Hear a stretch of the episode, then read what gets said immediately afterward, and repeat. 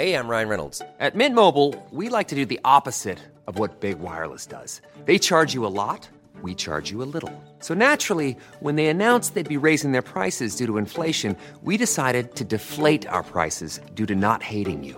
That's right. We're cutting the price of Mint Unlimited from $30 a month to just $15 a month. Give it a try at mintmobile.com slash switch. $45 upfront for three months plus taxes and fees. Promote for new customers for limited time. Unlimited more than 40 gigabytes per month. Slows. Full terms at mintmobile.com. A lot can happen in the next three years. Like a chatbot may be your new best friend. But what won't change? Needing health insurance. United Healthcare Tri Term Medical Plans are available for these changing times. Underwritten by Golden Rule Insurance Company, they offer budget friendly, flexible coverage for people who are in between jobs or missed open enrollment. The plans last nearly three years in some states, with access to a nationwide network of doctors and hospitals. So, for whatever tomorrow brings, United Healthcare Tri Term Medical Plans may be for you. Learn more at uh1.com. Uh, stick ut kompisgänget och, och kör en, en, ett sånt här scenario och faktiskt testa det i praktiken lite.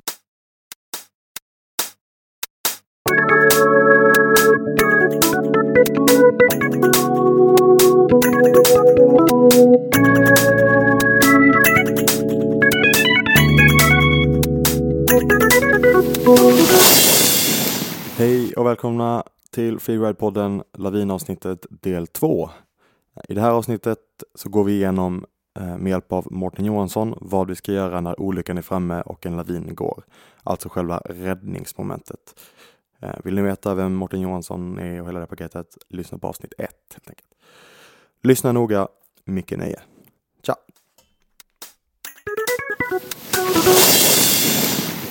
Vi har gått upp för berget. Eh, vi har följt alla våra råd här då efter hur man ska bedöma riskerna. Vi har gett oss ut och åkt. Vi har åkt en i taget. Vi har eh, haft en exit och en bra plan A, B, C.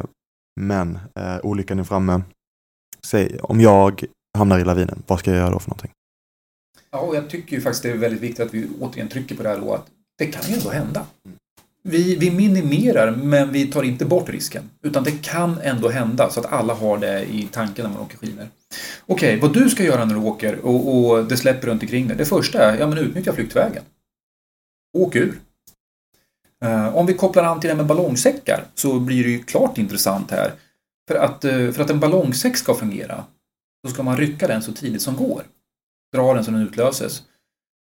Men om det sker på bekostnad av möjligheten att åka ur, vad ska man göra först då? Mm. Och det, jag har liksom inte ett givet bra svar på det här. Men jag tycker att man ändå kan fundera på det. CMH i Kanada, Canadian Mountain Holidays, de, de är störst i världen på helikopterskidåkning. De har sett ett ökat antal incidenter i smålaviner. När tidigare folk åkte ur, så istället lägger de sig i snön, drar sin säck och väntar sig att det ska gå bra. Mm. Och det behöver man ju inte vara kärnfysiker eller ortoped för att fatta att uh, åker man med i, i snön och, och även om man nu hamnar på ytan med hjälp av en ballong Mm. så man kommer fortfarande kunna trasa sönder, slås mot träd och stenar och sånt där. Så de har sett ett ökat antal uh, incidenter och uh, småolyckor uh, på grund av att folk drar sina säckar istället för att åka ur. Så ja, men lite lessons learned här skulle jag nog säga. Kan ni åka ur, gör det först och främst. Det är vårt första uh, försvarsmedel. När vi inte längre ser, eller så när, om det är så att vi, vi åker med i lavinen och vi uppenbart inte längre kan, eh, kan styra vart vi ska.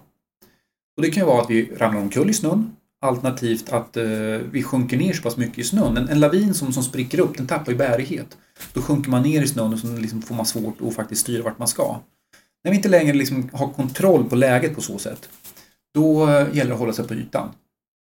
Och eh, högt upp på flaket det vill säga om, om man passerar ett träd eh, så häng fast i trädet. Även om man så bara lyckas hänga fast i en tiondel sekund så kommer ju ganska mycket snö att hinna rasa förbi en. Och det är ju så att säga snö som skulle kunna skada en. Så att ju mer snö som är under en desto bättre. Och att man är högt upp mot ytan, mot snöytan. Eh, och här har vi som utbildar i laviner i, i många år hållit på och lärt ut att man ska simma ta armtag och bentag för att hålla sig på ytan. Men så för en, om det är två eller tre år sedan så gjorde man en undersökning där man intervjuade folk som hade åkt med i laviner och sen mätte man hur djupt var de begravda och så kollade man vad de hade gjort. Och det visar sig att de som eh, simmade, de var inte ett dugg ytligare begravda än de som inte gjorde någonting. Så Mm. vi är inte helt säkra på att det fungerar. Å andra sidan, skitsamma. Om du nu Mm. åker med och du tar armtag och bentag och tycker att det här funkar, ja men varför fundera över vad jag satt och sa i den här podden nu då? Utan, eh, nej men fortsätt att göra det du liksom gör som håller dig på ytan. För som sagt, högt upp i snön, högt upp på flaket så får vi bättre överlevnadschanser.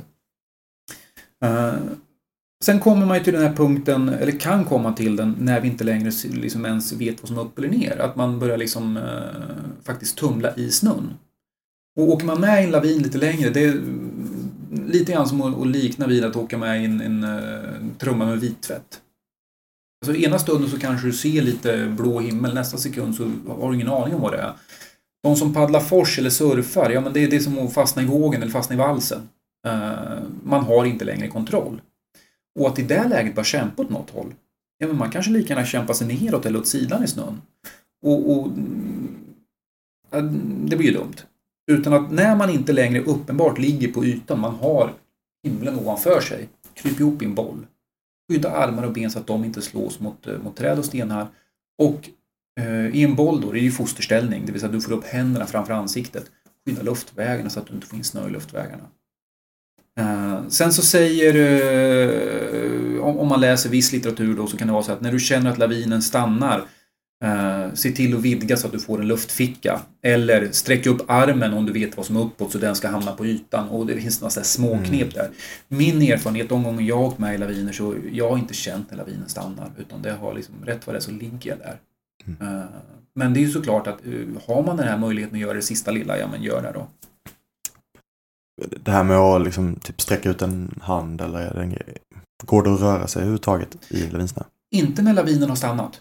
Utan det här bygger på att den fortfarande är i rörelse. När, lavinen, när snön rör sig Mm. så har du möjlighet att göra det. Men när du väl ligger där, ja, ja då ligger man där. Ja. Och det, då blir man lite full i skratt med det här att ja, men det, jag hörde bara så sent som någon vecka sedan någon som sa att man skulle spotta i snön för att veta vad som är upp eller ner. Ja, det känns som en klassisk... Eh, Ja, och den säger, ja men varför? Ja. Ja, du, du kommer märka att eh, mm, ja, det där är upp, men du kommer inte upp för att man kommer inte ur. Um, det här med att skrika, hjälper det? Försöka ropa på så att folk hör var man är någonstans. Ja, ur flera perspektiv. Det första så kan vi säga så här. Eh, när ni är ute på fjället, ni kommer aldrig utlösa lavin genom att skrika. Så ser ni någon som är på väg in i ett område och ni tycker att det där är fruktansvärt korkat det de gör och ni känner att ni till och med måste skrika åt dem. Ni kommer inte utlösa lavinen. Det är helt okej att skrika. Eh, när ni åker med, ja men skrik och gör de som står på sidan varse om att nu händer det någonting så att de följer er med blicken. Och på samma sätt ni som står på sidan, om ni ser att det spricker upp, ja men skrik åt den som åker med lavinen att fan det släpper. Så att alla är medvetna om att det händer någonting. När ni väl har blivit begravda och ligger under snön, skrik. Uh, om ni har möjligheten. Uh, det finns alltså fall när de som är kvar på ytan har eh, ställts helt knäpptysta och lyckats höra någon under snön. Men det är ovanligt. Det är jätteovanligt. Eh, Snö dämpar ljudet väldigt, väldigt väl. Så man behöver nästan stå rakt över och det får inte vara för djup begravd för att man ska höra. Men alltså det finns fall när det här har hänt. Det finns även fall när folk har provat att ringa till mobiltelefonen till den begravda och hört att ja men här ringer det ju, här gräver vi. Så liksom, nej men det, det är inte så dumt ändå. Mm. Eh, däremot så är det så att ljudet på ytan hörs väldigt bra ner. Och där kan man vara medveten om att liksom, när ni väl har hittat platsen, eh, nu kommer vi in på det här andra, letat fram ett transceiver, sondat, här ligger den. Mm. Var medvetna om att den som ligger under hör väldigt väl vad som händer på ytan. Och det upplevs väldigt, väldigt jobbigt, i alla fall när folk går där. Mm. För har man en liten luftficka som man andas i och sen bör man höra hur folk går kors och tvärs där uppe. Mm. Eh, och det är många som har vittnat och sagt att ja, men, trampa inte sönder min luftficka. Mm. I slutändan så är det ju lite skitsamma. Vi måste få upp dem och vi måste få gå så pass mycket att, att vi ändå får fram dem. Men man kan ha lite i, i bakhuvudet att eh, det hörs bra neråt. Mm. Så det kan bara vara att kommunicera. Fan, vi är här nu. Vi kommer gräva fram det. Ropa en sån grej. Och så till den kanske viktigaste delen, eh, men som också är rätt svår att demonstrera bara genom att prata om det. Eh, Men i alla fall, hur räddar man någon ur en lavin? Ja, Uh, viktigt liksom att uh, lyssnar ni på det här nu, ja men uh, ta era transivers och, och stick ut ikväll och, och prova. så fort det kommer lite helgen nu och ni har lite mer tid då, ja men stick ut kompisgänget och, och kör en, en, ett, ett sånt här scenario och, och faktiskt testa det i praktiken lite. För att det är väldigt lätt att teoretisera över det här mm. men i praktiken så är det värre det allra viktigaste när det kommer till räddningsinsatsen och att det är den egna säkerheten. Eh, och, och egentligen en lavinräddningsinsats, ja men eh, man skulle kunna säga att vi faller tillbaks på vanlig klassisk första hjälpen, ABC. Det enda problemet är att vi inte har... Eh, vi måste hitta personen först som vi ska göra första hjälpen på. Men i ABC så det är ju ett L först, läge egen säkerhet. Så liksom, till och med när man utbildar på den nivån, eh, liksom LABC, så, så pratar vi egen säkerhet. Och det är som sagt ut på fjället också. Så eh, när lavinen går och, och ni ser att en person åker med, redan där, egen säkerhet. Kan ni stå kvar där ni står? Eller kommer det här att drabba er? Om det kommer drabba er, ja men då är det dags att åka ur. Eh, och när lavinen har stannat återigen egen säkerhet. Kan vi gå in eller riskerar vi att få in fler eh, laviner i området? För yrkesfolk så är det här ja, det är ett tufft beslut att fatta att välja att inte gå in. Men det är ändå förhållandevis enkelt. Så här, ja, men okej, vi, vi, nu riskerar vi räddningspersonalens liv. Vi väljer inte att gå in utan vi väljer att gå runt, eh, spränga eller vänta några dygn eller vad det nu kan röra sig om för att kunna göra det här säkert. Mm. Men som privatperson, om min flickvän ligger begravd där, ja. Så jag kommer ju vara beredd att ta en viss risk. Eh, men jag måste ändå vara medveten om att blir jag också begravd, då är vi båda rökta. Så att man har det i kalkylen här, liksom, att eh, trots allt och, eh, blir vi också begravda, ja men då, då, då är situationen långt mycket, mycket värre. Egen säkerhet. Men, alright, lavinen stannar och det är dags att börja jobba. Egen säkerhet har vi tänkt och det kommer tillbaks hela tiden. Nästa steg, utse en ledare. För det vi har brist på i, i den här situationen nu, det är tid. Mm. Och när tid är brist, då, då upphör demokratin att gälla. Demokrati, det är jättefint, men det är inte alltid det mest tidseffektiva sättet att fatta beslut.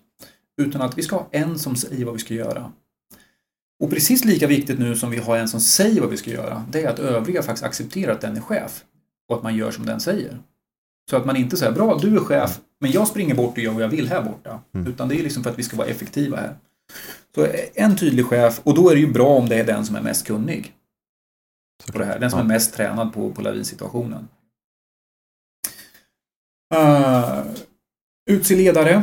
När det är gjort, uh, ja men då ska vi identifiera den här senast sedda platsen så vi kan uh, styra in folket till den punkten. Uh, vi vill veta hur många som är begravda. Och det kommer ju dels styra vårt eget sök. Det är en begravd, jag vet att vi såg den senast där, den kommer vara inom 30 meters bredd i ett litet stråk ner här. Ja, men då räcker det med att kanske en utav oss går, med, går ner med transivern. Mm. Om vi vet nu att det är någon med transiver. Men om vi kommer fram till eh, eller att det går en lavin och det är fler inblandade, det kommer en grupp in från höger som inte vi hade koll på. Och då kan vi ha så att säga, flera begravda, vi vet inte vilken utrustning vi har och så vidare. Det kommer ju styra hur vi lägger upp vårt sök. Så eh, hur många är begravda? Och det är också jätteviktigt när vi larmar. Om man ringer till 112 och larmar och säger att Nej, men vi har en lavinolycka, det är en begravd. Eh, säg att det här sker i Åre. Då kommer det att väcka upp sjukvårdsresurser in till sjukhuset i Östersund. Och man börjar förbereda sig där på att ta emot en som har varit begravd i en lavin. Men om man däremot ringer till 112 och säger nej men det är en skidskolegrupp begravd, vi har åtta personer begravda i en lavin. Då kommer vartenda sjukhus i hela Mellansverige helt plötsligt att ta sina eh, resurser i, i, i, beredskap för att kunna täcka upp det. Och om vi inte har förberett hela kedjan på det här, utan att eh, vi har sagt att det har gått en lavin och helt plötsligt så börjar vi få upp, istället för en begravd, så börjar inte sjukhuset i Östersund ramla in fem, sex ja men då har vi faktiskt sparkat undan benen för dem. Mm. Uh, och, och, minskat möjligheterna för dem att överleva. Så det är liksom väldigt viktigt att man, man ser att det här är ju inte bara vår lilla liksom, bubbla ut på fjället utan vi är ju en del i hela kedjan för att de här personerna ska få bästa möjliga chans att överleva. Och att man då i larmet får med sig det är flera begravda är jätteviktigt. När man då larmar, vart ska man larma någonstans? Är det till 112 eller ska man vända sig till lokala? Kortaste larmvägen. Och finns det ett, ett direktnummer till eh, fjällräddning eller till eh, skidpatrull? I Sverige så finns ju ofta ett, ett nödnummer till skidpatrullen om ni åker liftnära.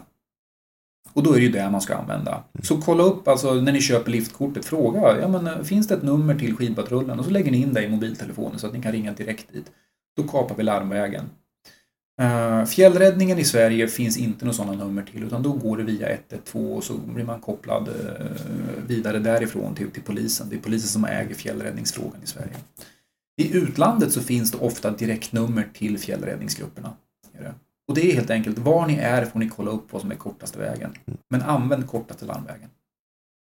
Hur är det med, eh, om man har en mobiltelefon så är det klart, då ringer man ju Mm. eh, till ja, kortaste larmvägen. Om vi inte har några mobiltelefoner på oss eller om de är, har laddat ur eller något sånt där. Ska vi skicka iväg någon som åker och letar efter hjälp då? Om vi har en jättestor grupp så kan vi göra det. Ehm, en, en lavinräddningssituation, det slukar rätt mycket folk. Gör det. Ehm, att eh, leta upp den på ytan var den ligger, ja men det gör man på en eller två personer. Det är ganska enkelt, eh, rent tekniskt. Men sen kommer vi till grävningen. Mm. Och grävningen slukar folk. Och eh, om vi då helt plötsligt bara skickar iväg folk för att larma, ja, men då minimerar vi, eller minskar vi möjligheterna, ska jag säga. Då minskar vi möjligheterna för att eh, överlevnadschanserna. Så eh, ja, men om ni har en grupp som är större än åtta personer och ni har en begravd, ja, men då kan ni bara fundera på att ni kan skicka, om man skickar två. Det här är ju en dag, nu har ju naturen bevisat att det är en farlig dag, det går laviner. Då skickar vi inte folk ensamma ut på fjället för att åka och larma utan att eh, då måste ni skicka två. Mm. Men, eh, ja, men någonstans där, en begravd person och ni är mer än åtta, då kan ni fundera på att skicka någon. Annars så har ni kvar alla på platsen. Uh, tills dess att ni har fått upp den och, och säkerställt i alla fall att uh, luftvägarna är fria. Eh, sen kan ni skicka. Alright, men tillbaka nu. Vi ser. Vi har egen säkerhet, vi har uh, senast sedda plats, vi har utsett ledare. Eh, hur många som är begravda har vi pratat om. Och efter det inleds söket. Ryan Reynolds här från Mint Mobile. Med priset på nästan allt som går upp under inflationen, trodde vi att vi skulle bring våra priser down. So to help us, we brought in a reverse auctioneer, which is apparently a thing. Mint Mobile unlimited premium wireless. Ready to get 30, 30, bit to get 30, bit to get 20, 20, 20, bit to get 20, 20, bit to get 15, 15, 15, 15 just 15 bucks a month. So, Give it a try at mintmobile.com slash switch. $45 upfront for three months plus taxes and fees. Promo for new customers for limited time. Unlimited more than 40 gigabytes per month. Slows. Full terms at mintmobile.com.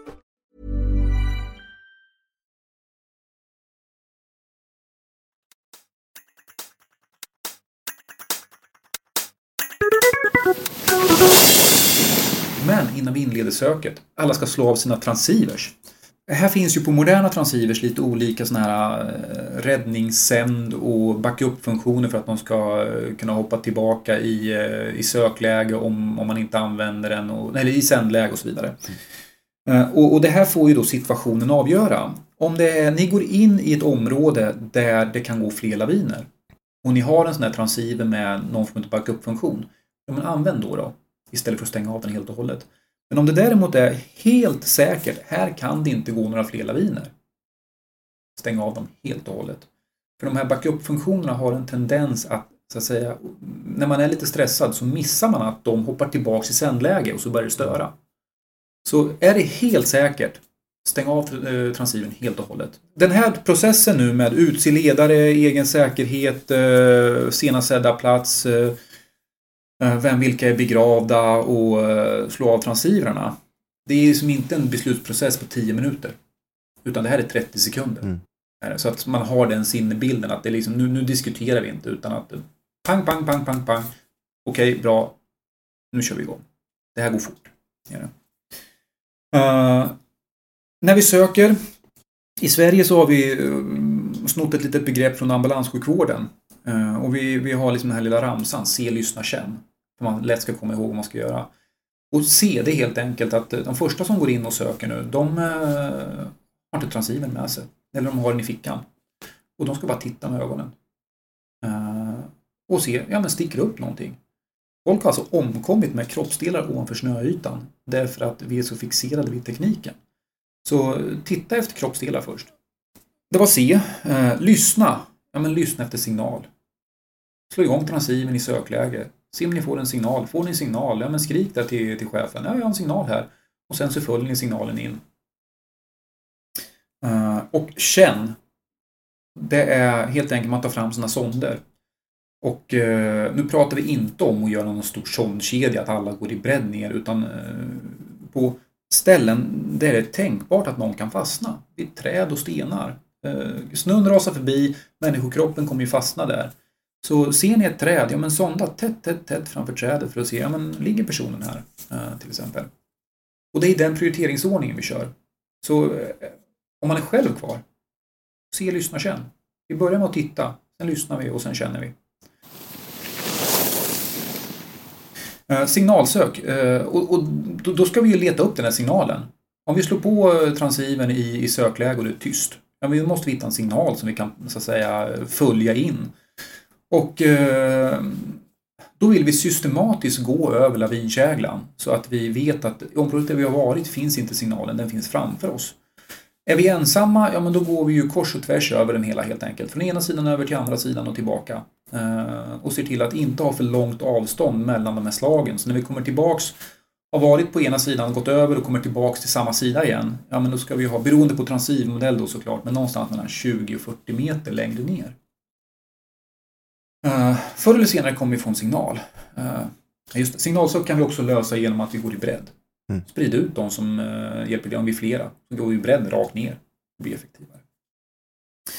Uh, när vi får signal, då övergår det här signalsöket, då har vi hittat signalen, då övergår det i grovsök. Då ska vi inom någon meter med när lokalisera var finns personen i fråga. Och moderna transivrar, ja men det är busenkelt. Den visar riktning och avstånd. Följ pilen och uh, se till att riktningen minskar, eller avståndet minskar. Så, så länge som avståndet minskar, då går vi åt rätt håll. Så uh, som sagt, följ mm. pilen, uh, följ avståndet. när avståndet börjar öka igen, om det inte gör det på en gång vill säga, men alltså att säga att vi, det, det börjar från 40-50 meters avstånd och sen så liksom minskar det successivt 30, 25, 20 och, och neråt där. Och sen helt plötsligt så börjar det öka. Voilà, då har vi gått över personen i fråga. Då har vi faktiskt kommit fram till, nu är vi, har vi personen rakt under oss. Och då övergår grovsök till att bli finsök. Och då ska vi ju... Ja, är man noggrann så kan man ju inom en femkrona när lokalisera här under ligger den hela. Men säg att vi inom en halv meter när hittar, här är det. Och eh, då gäller det att, att föra transceiven i, i ett kors och att eh, helt enkelt X och Y-axel eh, i det här korset och eh, i, i korset lokalisera var har vi det lägsta värdet. När vi väl har kommit fram då till finsöket då tittar vi inte längre på, på riktningsvisaren utan det enda som är intressant för oss i finsöket är avståndet. Var har vi lägsta avståndet? Och det ska räcka med tre gånger i kors. En gång rakt fram i den riktningen som vi kom in och sen så på tvären ut en gång och sen en sista gång får du bekräfta på eh, i x-axeln igen då. Eh, och punkten där, ja men rakt ner har vi personen i fråga. Om man har gjort det här rätt. Och då övergår vi i punktsöket. Och punktsöket, vi säger att det är en del i transceiversöket men nu lägger vi undan transceivern. Sen tar vi fram sonden och så trycker vi ner sonden för att se, ligger personen i fråga här? Och hittar vi någonting där under, och då är det ju så att eh, det är många som säger att man kan känna att det är en person, men det, så enkelt är det inte. För att träffar vi en hjälm eller en pjäxa så är det som att sonda på en sten. Träffar vi mag mage eller bak, det är ju liksom ganska mjuka delar och det kan ibland kännas som att sonda i en myr. Så att det är inte så enkelt som att man säger att här, här var en människa. Men däremot, om avståndet på transceiven visar 1,2 meter och sonden går 1,2 meter ner. Bra, träff. Det gräver vi. Okej, så signalsök, grovsök, finsök och punktsök. Eh, men nu när vi hittat personen som är begravd, eh, är det bara att stoppa spaden i backen eller finns det något vi ska tänka på? Ja, eh, det är ju så. När vi väl har hittat den, ja men om vi har kommit en tredjedel på vägen för att liksom hela omhändertagandet så är vi ju glada i det här läget. Ligger personen på en halv meter ner, ja men eh, då kommer det gå ganska fort. Ligger den på en meter eller djupare, ja helt plötsligt har vi ett jättejobb framför oss att få fram den. Uh, är vi flera i gruppen, då, då ska vi använda vad man kallar utav uh, en, en V-grävning. Man ställer upp sin V-formation och sen så Egentligen skulle jag vilja använda eh, det engelska namnet Reshaped Conveyor Belt. Det vill säga V-format löpande band och löpande band är kanske en ännu bättre term för det hela. Det är helt enkelt så att vi, vi samarbetar och för snön bakåt. Istället för att bygga upp höga murar eller bygga, gräva oss rakt ner i snön och få mer och mer att kasta upp så hjälps vi åt att föra snön bakåt i ett löpande band. Och, och det är liksom den här principen. Vi har en längst fram som gräver ner längs sonden och de bakom hjälper till att få undan snön. Finns det ingen snö att få undan så gräver de sig också neråt. Och i slutändan så bildar det som en ramp ner. Mm. Vi lägger ingen fokus på att gräva i bredd. Därför att vi vet ju faktiskt inte hur personen i fråga ligger. Mm. Vi har en sondträff. Och att, att gräva liksom i två meters bredd för att en, en människokropp skulle vara två meter lång. Ja, men vi kanske gräver på fel sida. Så innan vi har lokaliserat hur personen i fråga ligger så är det bara ner till den först och sen breddar vi efteråt. Men det här är också en sån här grej som eh, vi har missat lite grann måste jag säga i, i alla fall i svensk lavinutbildning. Vi har ju hållit på och lärt ut hur man ska gräva när man är stora grupper. Det här är ju väldigt mycket inriktat mot skidpatrull och fjällräddning. Men om vi rannsakar oss själva, inte med dig, men hur stora grupper är du ute och åker med när du är ute och åker? Ja, det är tre, fyra, ibland två. Liksom. Ja, men exakt. Och då måste vi faktiskt bara tänka, ja men hur gör vi när vi är några få? Um, och ja, men Jag har tittat lite på det här, det är fler i, runt om i världen som har gjort det också. Och nu till vintern så kommer vi liksom börja införa det på utbildningsnivå i Sverige nu. Hur gör vi när vi är en eller två eller tre kvar? Och egentligen så är det samma princip. Uh, ja, men vi har en sån träff. Uh, och sen gäller det att få snön bakåt. Om personen i fråga är ytligare än, än en meter, ja men då börjar man en meter ifrån den här sonden och gräver sig inåt mot sonden. Så mm. du börjar inte vid sonden, utan du börjar en liten bit bort och gräver inåt. Eh, är den djupare än en meter, då tar du avståndet som du har sondat ner. Om personen i fråga är två meter ner, då börjar du två meter bak ifrån sonden och gräver dig neråt mot den istället. Och det är alltså som, kan man säga nedifrån nästan? Så. Jajamän, ner i sluttningen. Mm. Och det här kan ju då till att börja med kännas lite mäckigt. Man har ju liksom satt sonden där uppe och mm. där vet vi att den är. Mm. Men det har visat sig att, att ska vi vara effektiva så måste vi få bort snön nedanför för att kunna komma in till den. Mm. Så snabbaste vägen in när man är en eller två det är faktiskt att börja nerifrån och gräva sig in mot mm. den snarare än att gräva ett djupt hål rakt ner. I slutändan så effekten blir detsamma som den här uh, löpande bandprincipen. Det är bara att vi, vi måste bemanna alla positioner i löpande bandet själva. Men det viktiga då, sonda, se hur djupt den är och så flyttar ni ner Eh, så djupt som, som sonden var så att säga till eh, och börja där och gräva inåt. Mm. Förenkla det hela. Och det finns ju också en massa eh, schyssta videor att se på typ Youtube om man vill bara titta hur, ja, och få lite grafiskt på det här. Det finns hur mycket som helst. Mm. Gör Alltså, internet har ju exploderat både Uh, instruktionsmässigt men även uh, att bara se lavinincidenter. Alltså, ja, mm. Youtube är ju supercoolt. Mm. Grymt. Är det något mer vi ska gå igenom? Jo, men jag tycker det. Eh, och det, är ju det här som vi har också missat i lavinvärlden. Faktiskt omhändertagandet. Mm. Eh, för några år sedan så när vi höll lavinkurser då lärde man ut hur man söker transceiver. Eh, och sen tyckte vi det att ja, men gräva det kan ju vem som helst göra. Och så visade det sig att det var ju faktiskt grävningen som eh, i slutändan var det viktiga. Så då har vi nu i alla fall i tio år lärt ut hur vi söker och letar fram folk och vi har lärt hur man gräver ut. Men vi har ju hela tiden missat vad gör vi sen? Och då har man eh, i, liksom i, i vår bransch sagt att nej men det får du gå en första hjälpen-kurs. Men det har ju visat sig att lavinmedicin är ganska specifikt. Det, det kanske inte är så enkelt att den här första hjälpen-kursen som du går för att få lära dig att hantera ett hjärtstopp på kontoret fungerar ute på, på fjället. Så att omhändertagandet är ju också jätteviktigt. Mm. Är det. Sen, det är inte så mycket vi kan göra.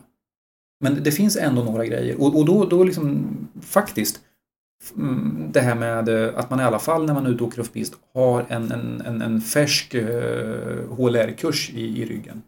Och uh, vi faller tillbaks på ABC. Uh, andningen, ja men då kommer ju HLR in. Blödning, det skulle vi kunna prata om i timmar. Men vad vi kan säga här är att Gore-Tex är lurigt. får ni en sårskada så det kan ju ligga och blöda innanför Gore-Tex-kläderna utan att det syns. Mm. Och sen när ni börjar, liksom börja röra den här personen i fråga och, och lyfter på, på benet så helt plötsligt kan det rinna ut tre liter blod ur, ur byxbenet som inte ni har sett. Så när ni gör de händertagande, se till att, stoppa in händerna och kontrollera ordentligt. Uh, nu ska ni inte öppna upp och, och, låta personen i fråga ligga och bli kall. Men ni ska ändå som sagt ha kontrollerat innanför Gore-Tex-kläderna. Finns det en blödning någonstans som, som ni ska ha koll på? Uh, cirkulationssvikten, chock, C i ABC. Uh, eh, det vi kan göra där är ju att håll personen varm. Uh, se till att den inte blir ytterligare kall. Uh, om, om personen chockar ner, uh, utnyttja den terrängen vi är i. Det är ju ofta en sluttning. Ja, men då är det väldigt enkelt att vrida upp så att benen hamnar i högläge, få ner blod mot hjärnan. Uh, och ja, men hela den här biten då, chock och hypotermi. Vi pratade tidigare om att man ska ha eh, vindsäck, en dunjacka och, och liggunderlag med sig. Det kommer ju in i det här att när vi väl har kommit så långt, då kan vi nog räkna med att det tar någon eller några timmar innan vi får ytterligare hjälp. Och då måste vi hålla ut där ute. Eh, så isolera personen som inte blir vidare nedkylda. Sen kan vi nog inte göra mycket mer där om vi inte är sjukvårdsutbildade.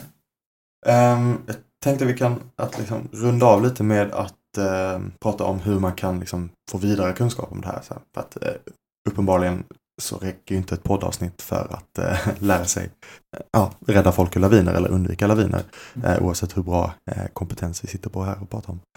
Um, så tänkte jag att och det är också en väldigt vanlig fråga som ställs på typ freeride på forumet. Så här, om lavinkurser ja. och ja, hur man kan få lära sig mer. Mm. Um, vad kan du berätta om det? det? Det är ju bara att inse att åker man mycket off-pist så då räcker det inte med att lyssna på en podd, det räcker inte att komma och lyssna på en föreläsning på två timmar. Det kommer inte räcka med en dagskurs heller. Utan liksom att för er som verkligen är ute på fjället, ni måste ju kunna de här grunderna. Och då är minimum egentligen liksom en tre dagars utbildning skulle jag... äh, två dagars utbildning. Vi har lyckats kanalisera ner det till en två dagars kurs. Eh, men det är liksom de här grundkurserna. Det är, och, och, det är verkligen minimum. Om det sen är så att ni toppturar mycket eller att ni åker väldigt mycket liksom off-pist. Ja, men ni behöver ännu mer kött på benen. Eh, men återigen, kunskapen i sig kanske inte kommer rädda er. Utan det är det beteende som ni får efter att ha gått dem som kommer att rädda er. Det är beteendefrågor till stor del det här. Om du bara fick säga en sak innan folk sticker ut och åker, vad är det de ska tänka på? En sak innan man sticker ut och åker, ja men det är ju faktiskt att, att just uh, reflektera över, är du beredd att ta risken? Um, för som sagt, det, det, spelar ingen roll hur kunniga vi är på transivers, spade och sånt. Det spelar ingen roll hur mycket vi kan om snökristallerna. I slutändan, så allt det här handlar ju liksom ändå om, om ett beslut och, och vi, om vi ska åka i en terräng som är mer eller mindre farlig. Och är man beredd att, att, att ta den risken idag? Uh, och, och, konsekvensen är hela tiden att vi riskerar att dö. Det får vi aldrig glömma. Uh, nu kan det här låta jättenegativt uh, och, och såklart att man aldrig är beredd att dö egentligen. Men, men om, om vi kokar ner det för min del så jag åker mycket off-pist. Och jag har inga problem att ta den där risken vissa dagar. Därför att den är så, så, så liten. Medan andra dagar så finns det inte på världskartan att jag skulle sticka ut och åka. Utan det, väljer det, det, det gäller att, att välja eh, dag och åk och göra det hela på. Toppen. Tack så jättemycket för att du kom hit och för att du har delat med dig av din kunskap. Mm. Grymt kul att vara här. Ja, kul. Jag tycker vi önskar alla, alla lyssnare en, eh, en, en grymt kul vinter med mycket åkning. Men eh, se till ja. att, att uh, göra det så säkert det går. Yes. Tack för att ni lyssnade på andra halvan om laviner i Freeride-podden.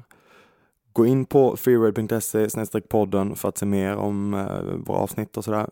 Och freeride.se lavinsakerhet för att se filmer med Mårten Johansson eh, som illustrerar det hela lite bättre. Ha det bra, vi hörs. Ciao!